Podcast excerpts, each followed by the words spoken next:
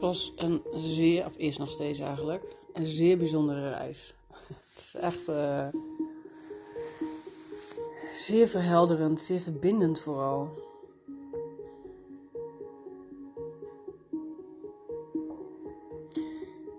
Um,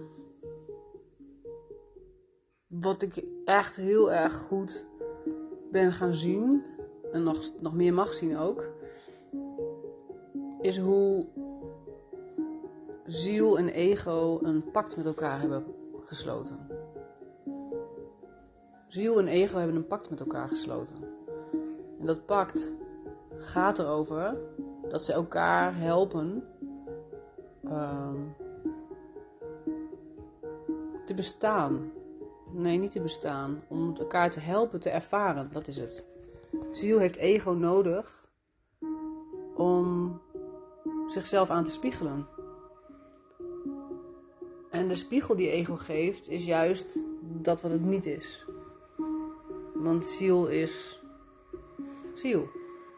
Ziel is eenheid. Ziel is verbinding.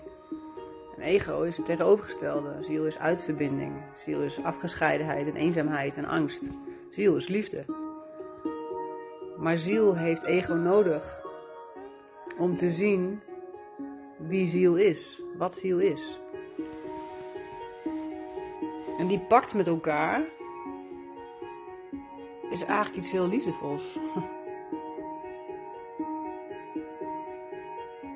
Wij zijn natuurlijk altijd, wij zijn zeg maar gaan geloven dat, dat wat ego zegt tegen ons de hele dag, dat dat waarheid is. Um, maar ego is alleen maar angst. Ego gaat alleen maar over afgescheidenheid. Dus wij geloven dat wij afgescheiden zijn van de rest van de wereld. De wereld en ik zijn twee verschillende dingen. Jij en ik zijn twee verschillende dingen. Dat is natuurlijk onzin. Jij en ik zijn één.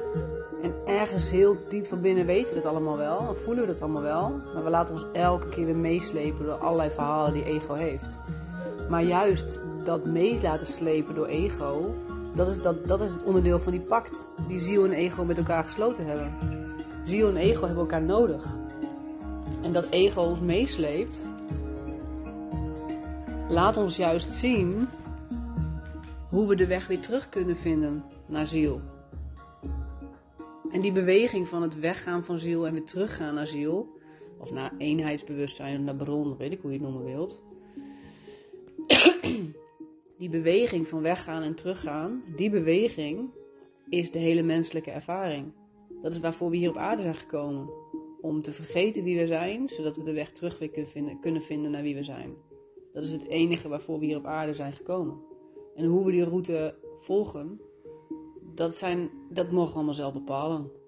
En we worden dan helemaal gevangen in allerlei verhalen die we onszelf wijsmaken. En we vergeten dan dat het maar een verhaal is. We gaan helemaal in dat verhaal en we duiken helemaal in dat verhaal. En we vergeten dat het maar een verhaal. We vergeten dat gewoon. We zijn zo gevangen in dat stuk van ons bewustzijn.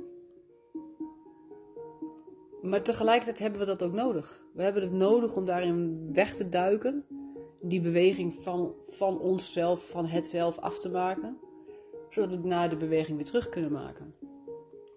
Die yin en yang horen bij elkaar. En het is zo mooi om dat zo nu op deze manier van een afstand weer te zien. De, de pact tussen ziel en ego. En daardoor dus ook de liefde kunnen voelen voor ego. En ook de liefde kunnen voelen voor de angst die ego creëert. En de liefde kunnen voelen voor alle verhalen die ego creëert om ons maar wijs te maken dat wij niet ziel zijn, maar dat we iets anders zijn. Wat dat ook mag zijn. Het is allemaal één groot verhaal, één grote illusie. De illusie van afgescheidenheid. Die we feitelijk ook weer nodig hebben. Dus we mogen, we mogen in die zin ook gewoon gaan voelen dat we ego nodig hebben. Dat we die angst nodig hebben om te voelen wie wij niet zijn, zodat we weer kunnen verbinden met wie we wel zijn. Dat is waar we ego voor nodig hebben. En hoe meer we daar liefde voor kunnen geven, voor die angst die ego creëert, in plaats van dat we er helemaal in geloven en helemaal vastkomen zitten in dat verhaal en vervolgens onszelf afwijzen en kritisch worden en meegesleurd worden in allerlei verhalen, mogen we gaan zien dat het maar een verhaal is en dat het gewoon het spel is van ego en dat het het spel is van ziel ook. Het is ook het spel van ziel. Ziel heeft ego nodig. Die twee horen bij elkaar. Het zijn de yin en de yang. En samen zijn ze één. En dat is wie we in de kern zijn.